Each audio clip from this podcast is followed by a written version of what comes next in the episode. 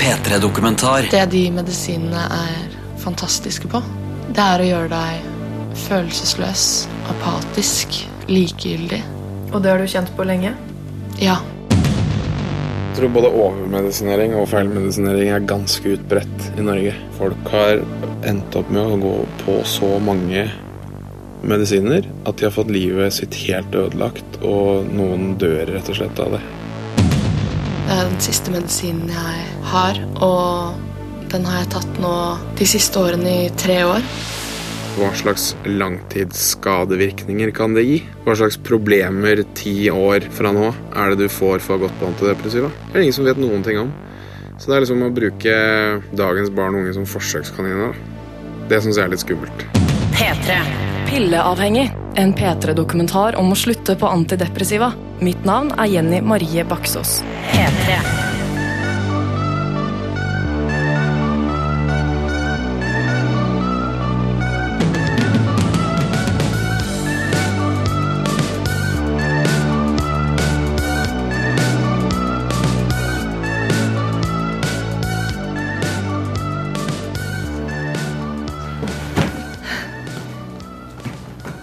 Jeg har prøvd å sortere det, men jeg vet ikke hvor godt jeg har lykkes, for det er veldig, veldig mye. Fire tykke permer med masse ark. Fem. Fem, ja. Ganske solid arkiv her, ja. Ja. Jeg kan liksom ikke relatere til at det er meg. Jeg husker jo noe av det, men eh, livet mitt er jo ganske forandret. Heldigvis. Dette er Thea. Hun har akkurat hentet en tung kasse med hvite permer fra kjelleren. Her bor hun, i en liten blokkleilighet på Sinsen, sammen med kjæresten Erlend. Stua er lys og ryddig, og i en stor hvit bokhylle står bøkene deres fargesortert fra rødt til blått. Thea er høy og mørkhåret med fregner og et bredt smil. Ved første øyekast ser hun ut som en hvilken som helst vanlig 22-åring. Helt til hun bretter opp ermene på genseren, og huden på armene kommer til syne. Dekket med falmede arr, tett i tett fra knoke til albu. Nå sitter hun midt i sofaen, med en av de harde, hvite permene oppslått i fanget. Et hemmelig arkiv over fortiden. Har du sett noe av det her før, eller? Jeg har ikke fått lov til å se på det. Ikke før vi skulle være gift i fem år. Det var vel det jeg sa. Det har jeg sagt til Erlend. Fokuser før vi har vært gift i fem år. For da er liksom terskelen for å skille seg fra meg mye større. Men jeg er redd for at han ikke vil tørre å gifte seg, da. Hvis han får se dette her. Erlend har til nå ikke fått røre journalene til Thea. Og selv om de ikke har vært gift i fem år ennå, men bare sammen i to, skal han likevel få høre litt av det som står der. Ja. Status ved innkomst. Jente på 15 år som kommer inn på avdelingen med tvang og eskorte av politi. Hun forsøker å bite etter personalet og er veldig vanskelig for å roe seg ned. Pasienten kommer til UK, som er på Ahus, lenket fast i en rullestol med håndjern i følge med to politi, to sykepleiere fra Ahus og far. og det husker jeg veldig godt, for da kjørte de meg fra Ahus, liksom hovedsykehuset. Og så er det ca. ti minutter å gå ned til ungdomspsykiatrisk. Og da husker jeg at eh, jeg ble kjemperedd. Og jeg kom meg jo ikke ut av den jævla rullestolen, da, så de bare kjørte meg ned. Og så var det jo folk som var ute på tur og sånn, så husker jeg en sånn liten gutt som bare kom bort og sa Å, mamma, se, politi! Og der satt jeg igjen liksom, i bare truse og sykehusskjorte og masse åpne sår og bare Med håndjern i en fuckings rullestol. Det er helt Hvorfor utrolig. rullestol? Nei, det var vel det de klarte å få meg oppi, da. Jeg ble jo ikke akkurat blid, for å si det mildt. Men ja, jeg syns jo ikke det var en så hyggelig ting å gjøre, da. Ehm, Jeg syns jo de kanskje kunne kjørt meg i en bil hvor ikke Gud og hvermann kunne sett hvor vanskelig jeg hadde det på vei ned til psykiatrisk. I dag er hun fulltidsstudent med deltidsjobb, ungdomspolitiker og styremedlem i organisasjonen Mental Helse Ung. Det er så vanskelig å se for seg denne jenta lenket fast, glefsende som et dyr. For Thea er alt annet enn aggressiv. Hun minner meg om en god venninne fra ungdomsskolen. Hun med det varme smilet og de gode klemmene. En sånn du har lyst til å betro deg til. Rolig og avbalansert forteller hun meg om akuttinnleggelser, beltelegging og tvangsmedisinering. Journalene fra 2006 til 2015 blottlegger hele ungdomstiden hennes kaldt og klinisk. Medisinlistene viser at hun gikk på opptil ni ulike medikamenter samtidig. Og selv om Thea har det mye bedre nå, tar hun fremdeles fire tabletter hver morgen. Nå er det kun antidepressive med Fontex hun går på for å holde depresjonen på avstand. Nå skal jeg ta medisinene mine.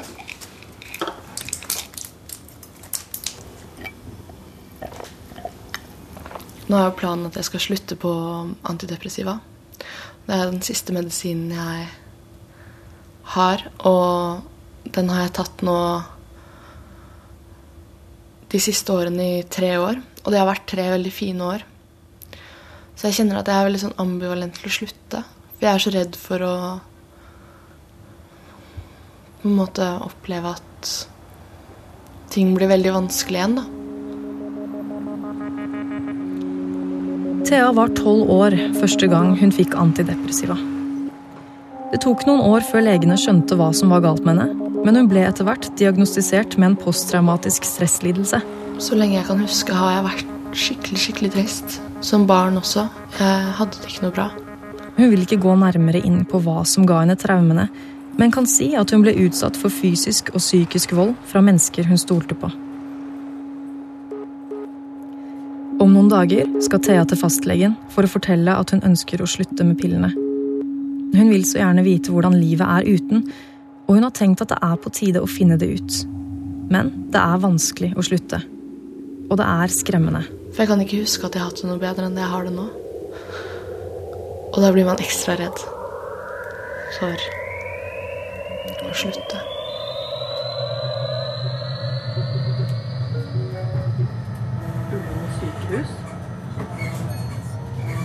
Mandag. Thea sitter på trikken på vei til en forelesning på Universitetet i Oslo. Hun prøver å se framover, men ti mørke år i psykiatrien har formet henne. Så nå er hun i gang med sitt første år på profesjonsstudiet i medisin. Drømmen er å bli psykiater. For bare en høy posisjon i helsevesenet kan gi henne muligheten til å forandre det systemet som har ødelagt så mye av hennes eget liv. For dagene er lysere nå, og spesielt denne dagen, for i dag har hun bursdag.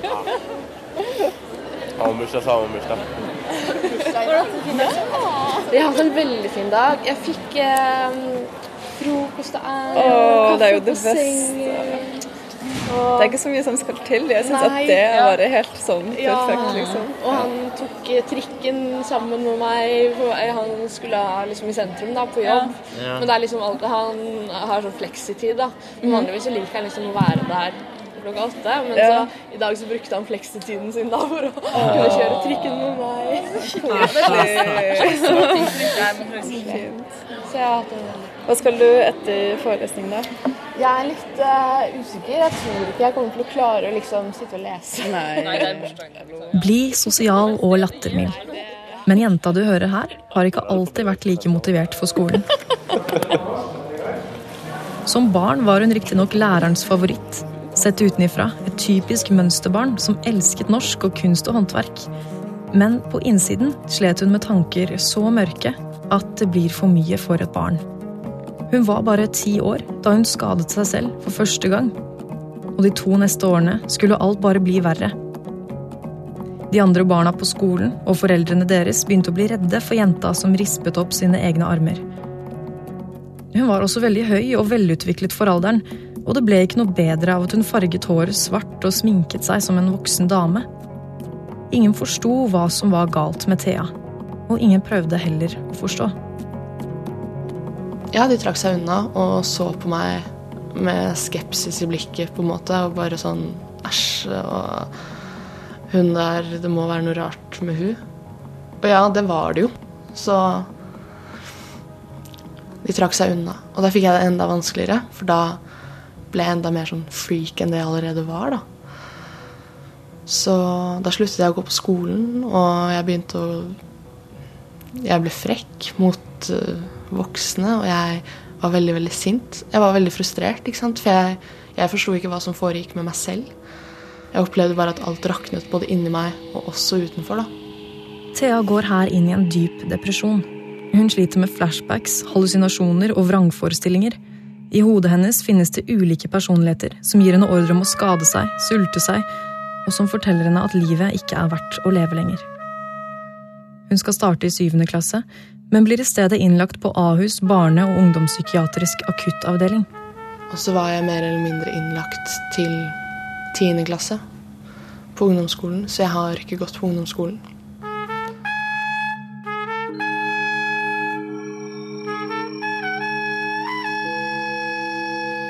I journalen hennes står det bl.a. at det er tydelig at hun er ute etter oppmerksomhet. Når noen har det så vondt som det jeg hadde det, og bare undergrave problemet til at nei, du ønsker egentlig bare oppmerksomhet. Du ønsket vel egentlig hjelp? Ja. Så jeg ønsket absolutt oppmerksomhet. Jeg ønsket hjelp, og jeg ønsket at noen skulle se meg og ta vare på meg og bry seg om meg. Um, jeg tenker at det er jo klart at når man på et sykehus hvor man er for å få hjelp, ikke opplever å få noe hjelp, og med de plagene man har, og så skjønner man ok, hvis jeg bare kutter litt dypere, så kanskje jeg får hjelp. Jeg fikk jo ikke noe mer hjelp selv om jeg skadet meg noe mer. De ga meg bare mer medisiner.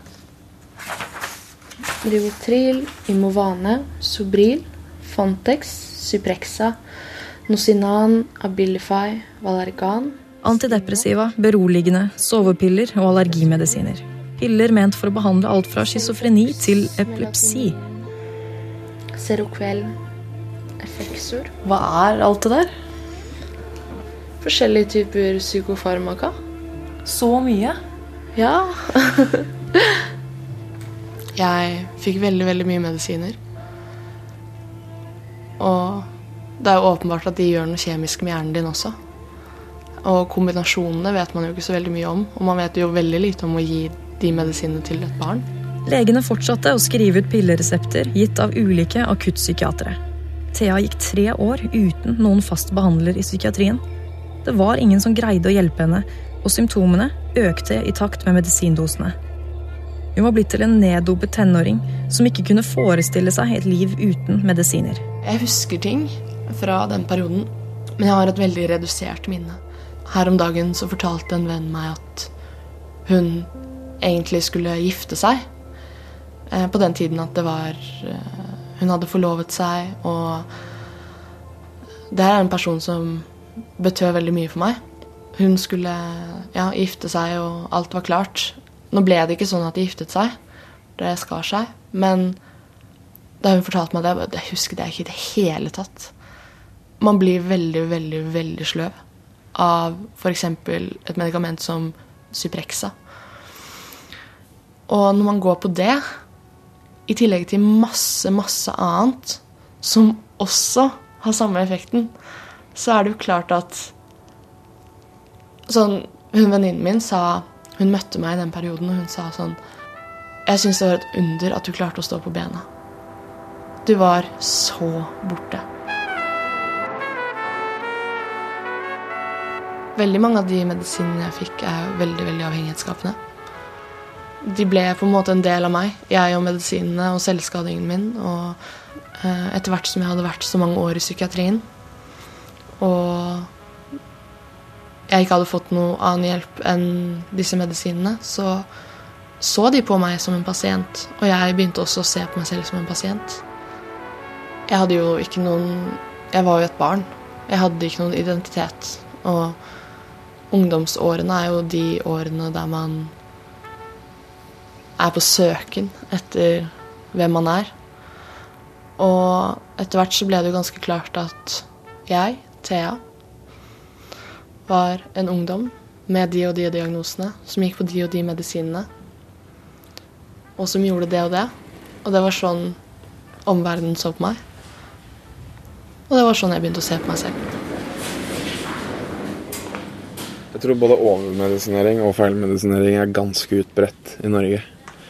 Um, fordi tendensen er veldig sånn at uh, man, man, skriver ut ett medikament. Og hvis den, det medikamentet har uønskede bivirkninger, så får du medisiner for bivirkningene. Og så er det en sånn lang dominoeffekt. Og så har jeg hørt om uendelige antall tilfeller hvor folk opplever at medisinen ikke funker, og så de, får de nye medisiner uten å bli tatt av de gamle. Um, og en sånn type medisineringspraksis som jeg som ikke er lege, uh, ikke klarer å fatte og begripe at kan være forsvarlig i det hele tatt. Dette er Adrian Lorentzen, politisk rådgiver i Mental Helse Ung. Folk har endt opp med å gå på så mange medisiner at de har fått livet sitt helt ødelagt, og noen dør rett og slett av det. Det kan virke som det å løse psykiske plager med piller er en økende trend. En undersøkelse fra Folkehelseinstituttet viser at bruken av antidepressiva har skutt i været. Dobbelt så mange 17 år gamle jenter bruker medisinen i dag som for ti år siden. Ifølge Adrian er det for mange som får utskrevet antidepressiva uten å få noe annen hjelp i tillegg. Han forteller om månedslange psykologkøer og dårlig oppfølging. De aller fleste av de som får antidepressiva, får ikke noe annet. Og litt av problemet med å bare gi folk antidepressiva er at man ikke håndterer det som er problemet. Bare medisinerer det vekk. Eh, og så Med den logikken så kunne du bedt folk som slet med angst, om å, om å drikke litt mer alkohol, på en måte. Fordi hvis du sammenligner alkohol med ethvert annet medikament på markedet, så er det det som fungerer desidert best. På kort sikt, da selvfølgelig, for på lang sikt så går det ganske dårlig. Men det er litt samme greia. Det er ikke sånn at det hjelper å bare skrive ut antidepressiva til alle som har psykiske problemer. Fordi veldig mange responderer forskjellig på det. Veldig mange har ikke effekt av det. Noen blir dårligere. Flertallet av de som får antidepressiva, funker det ikke for. Og I tillegg så veit man jo ingenting om effekten, og spesielt ikke om langtidseffekten av antidepressiva på barn og unge under 18. Det er jo det som er skummelt, at legene med viten og vilje skriver ut et medikament som det ikke finnes noe forskning på om faktisk funker. Og i så fall, hvis det funker, hva slags langtidsskadevirkninger kan det gi?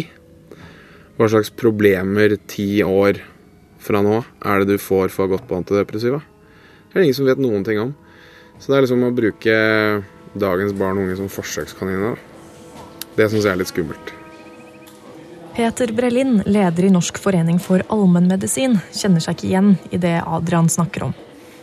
Som lege har han inntrykk av at når pasienter settes på antidepressiva, er det en veloverveid beslutning og en løsning som fungerer bra for mange. Men han er enig i at oppfølgingen kunne vært bedre, særlig fordi effekten av medisinene er så usikre på barn og unge. Så hvorfor i all verden skulle hun gå bort og ta sitt eget liv? Han trakk pappen til seg, åpnet den og ignorerte Roses sjelesvie. Tirsdag morgen. Det er to dager til Thea skal til legen nå. Mens hun tar oppvasken og hører på lydbok hjemme i leiligheten, tenker hun tilbake på hva alle pillene har gjort med kroppen og personligheten hennes. Det de medisinene er fantastiske på, det er å gjøre deg følelsesløs, apatisk, likegyldig. Og det har du kjent på lenge? Ja.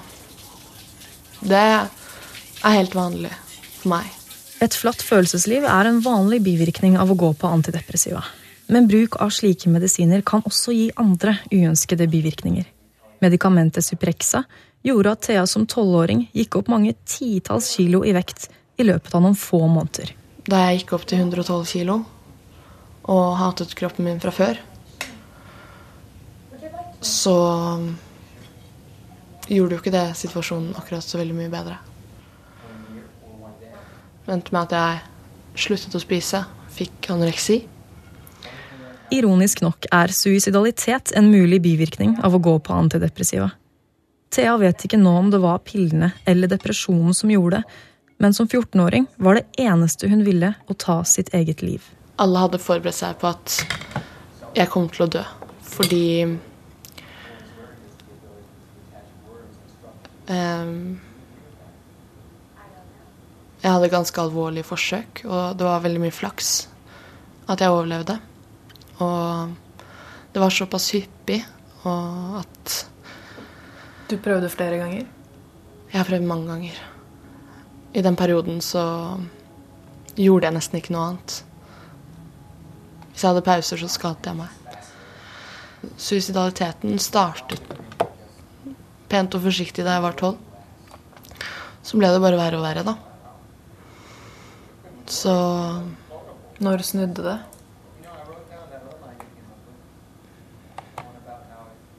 Det er et litt vanskelig spørsmål, fordi har, det hender at jeg fremdeles har de tankene. Jeg tenker det har vært så sinnssykt hardt arbeid å komme ut av eh, de årene med sykdom. Og jeg vet faktisk ikke om jeg syns det har vært verdt det. Um, noen ganger så tenker jeg at det, selv om jeg har det veldig veldig bra nå Jeg har aldri hatt det så bra i livet mitt som det jeg har det nå. Jeg har det kjempebra. Likevel så tenker jeg Var det verdt all den jobbingen? Ikke det at jeg kunne ønske at jeg døde, men at jeg tenker at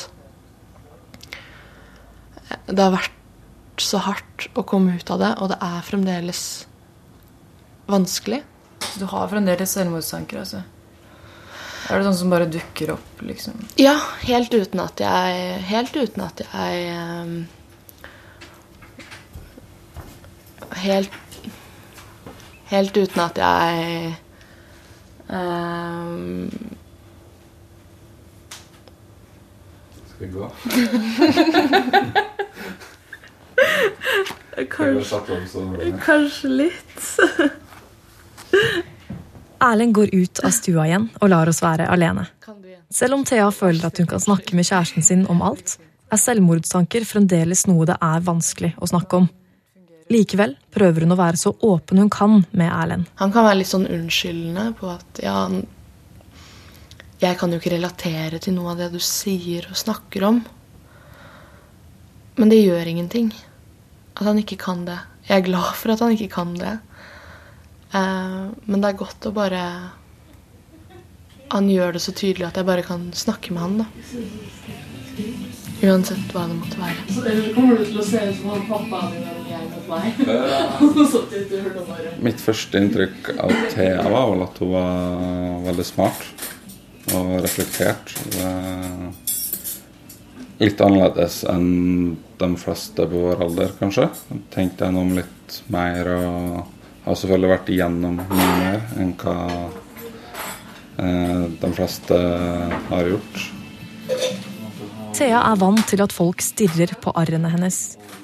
Hun har vent seg til sleivete kommentarer og spørsmål om hun har vært i krigen eller jobbet med tigre. Men da hun møtte Erlend, var det annerledes.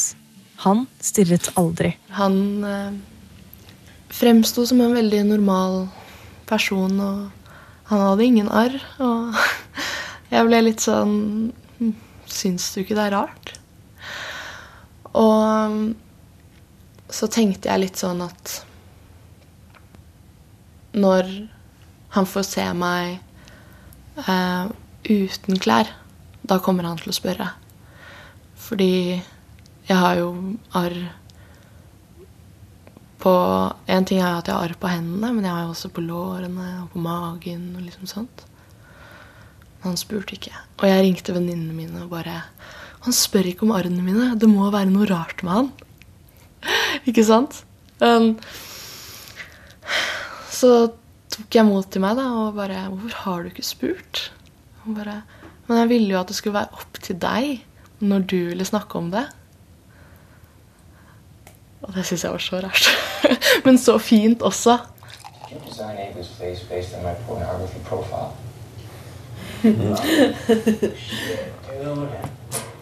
Thea har gått på antidepressiva i hele den tiden hun har kjent Erlend. Han var vitne til fjorårets forsøk på å slutte på de pillene hun går på nå. For første gang på lenge fikk Thea da kjenne på følelsene sine uten filter. På den tiden kunne hun begynne å gråte når hun og Erlend så på film sammen. Det, det er noe jeg ikke gjør. Men da det drev og sluttet, da, så gråt jeg. Og så ble jeg rørt og sånt. sånne rørende scener. Og bare, Jeg syns det er så teit å gråte til rørende scener. Og der satt jeg og liksom bare Jeg vil nok si at eh, jeg har absolutt vært forelska. Men jeg har ikke vært så hardt Hardt Hardt forelsket, da. Jeg har, jeg har vært ganske avbalansert forelsket. Tror jeg. Jeg har jo gått på antidepressiva så lenge, og det har nok bidratt da, til at alle de følelsene er blitt litt eh, forminsket.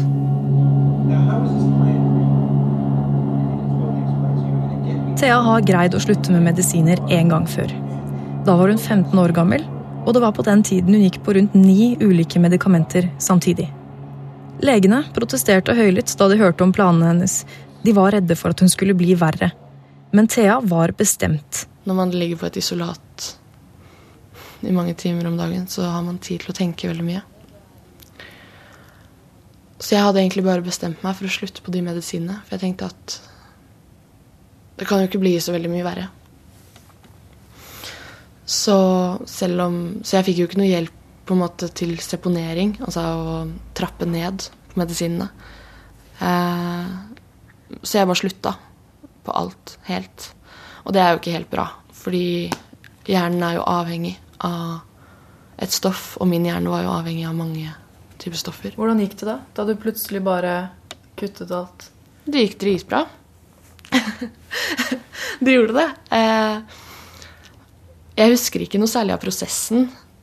Eh, jeg kan jo se for meg at det var et par uker der som umulig kan ha vært noe bra. Abstinenser kanskje og sånn. Men jeg husker ikke noe særlig av det. Eh, jeg husker bare at jeg var hjemme.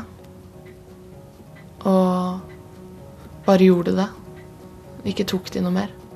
Etter dette gikk ting bedre. Thea var medisinfri, og hun greide å starte på videregående. Her møter hun mennesker som skal vise seg å forandre livet hennes. De er verken leger eller psykiatere, men lærere. Altså, de hadde troen på meg. De så Selv om jeg skadet meg, selv om jeg var Selv om jeg hadde liksom sår i ansiktet, så det bare Du er kjempeflink til å skrive norsk stil. Altså, de bare De så liksom forbi arr og atferd og sykdom og bare Du er jo kjempeflink. Jeg hadde ikke hørt det siden jeg var barn. ikke sant? Altså Det eneste jeg hadde vært flink til, hadde jo vært å skade meg. Og nå var det noen som så jeg var flink til noe annet. Og det ga meg så enorm mestringsfølelse. Så Thea skrev og skrev. Hun fikk gode karakterer, venner. Alt gikk så fint. Helt til et kraftig tilbakefall i 2013 sendte henne inn i depresjonen igjen. Det var da hun startet på antidepressivet med Fontex, som hun går på nå. Det gikk ikke så bra da hun prøvde å slutte i fjor. Jeg opplevde at jeg fikk det skikkelig tungt. Og at de morgenene der jeg våknet og ikke hadde lyst til å stå opp og bare tenkte på å dø, var hver dag til jeg startet opp igjen.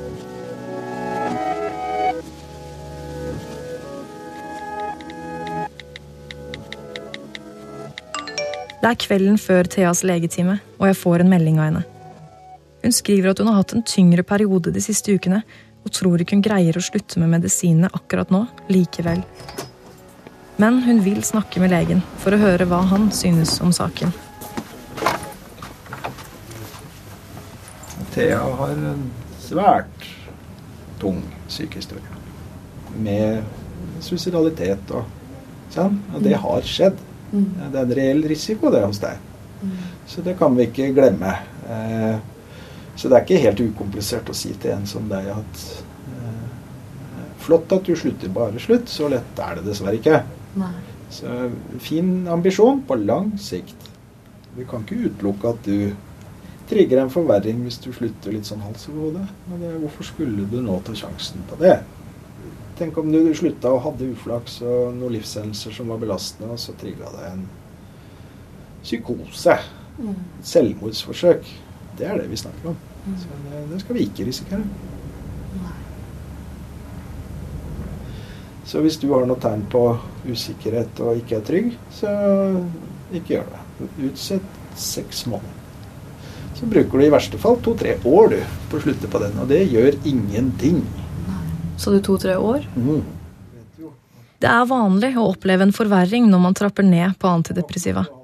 Og det kan være vanskelig å vite om det skyldes depresjonen eller hjernens reaksjon på at man slutter med vanedannende medisiner. Såkalte seponeringsreaksjoner. If it works, don't fix it. Mm. Ja, det du har drevet med, det har fungert. Mm. Ja, vi får se. Ja. Ja. Nei, men det var greit å få litt sånn For det er jo noe jeg går og tenker på, og som jeg har lyst til. Men hvordan skal jeg gå frem når jeg føler meg klar? Finnes det kapsler med lavere styrke?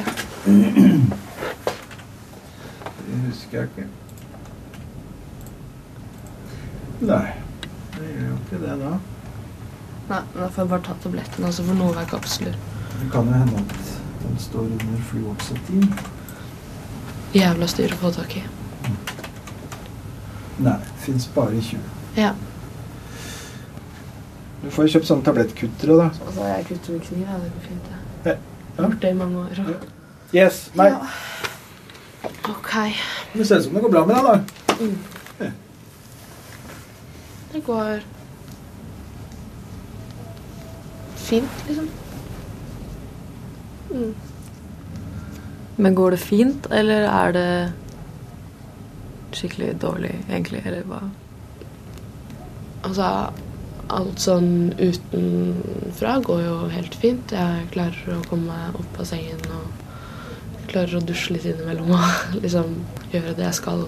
Sånn. Men eh, det siste har det vært tyngre å gjøre de tingene jeg skal, og det har vært forbundet med litt mer sånn Ikke at jeg har hatt tanker om å ta livet mitt, men Eller ikke at jeg har hatt planer om det, men litt mer sånn tanker rundt det, da. Og veldig sånn At ting føles veldig håpløst. Ja. ja. Det er 40 minutter til denne samtalen. Skal jeg sette deg på en time, eller? Nei, altså Jeg har ikke lyst til å liksom belemre deg med det, fordi Jeg lever av det frivillig. For lønn. Men nå går jeg jo til en psykolog da, som tross alt skal ta seg av sånne type ting. Kanskje jobbe med å akseptere at eh, så ille var din oppvekst. Så mye traumer, og så mye var det. Mm.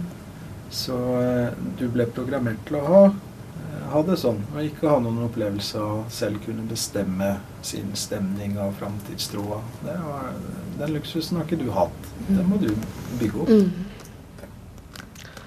Ok. Ja.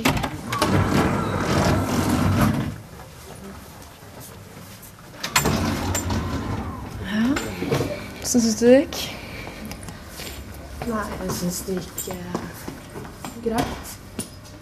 Ja. Mm. Det tar lang tid da, å slutte. Ble du overraska over at det kunne gå årevis? Ja, litt, fordi eh, da jeg har sluttet på medisiner før, så har de på en måte sagt at man bare bruker to uker, på en måte. Thea tenker at legen har rett. Den beste måten for henne å slutte på medisinene er å trappe ned så sakte hun bare greier. Om det så tar flere måneder eller år. Gjør hun det for fort, øker sjansene for at hun får selvmordstanker igjen. Og tanker kan bli til handling. Men så tenker jeg jo at eh, jeg kan få det veldig bra av å slutte på medisinene. Det bare passer ikke så bra nå, for det er for Akkurat nå, akkurat den uken her, så går det ikke. Neste uke så får jeg se hvordan jeg føler meg.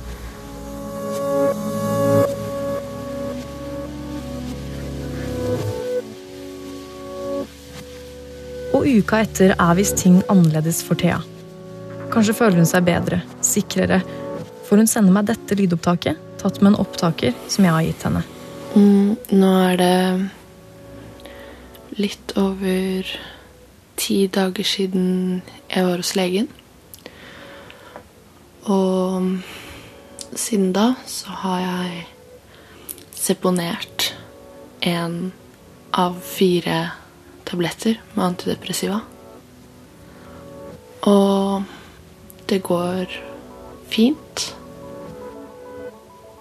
Jeg er veldig klar for å slutte på antidepressiva.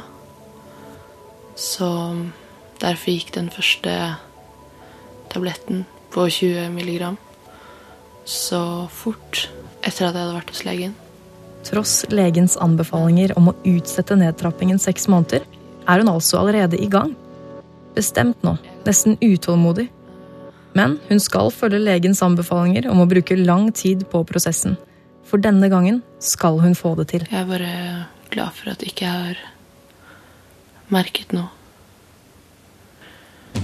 Så jeg må bare prøve å ta det litt roligere enn det jeg kanskje vil, da.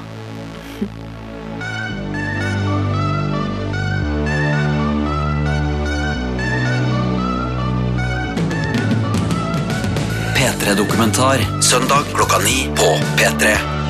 Se, les og lytt mer om denne historien når du vil på p3.no.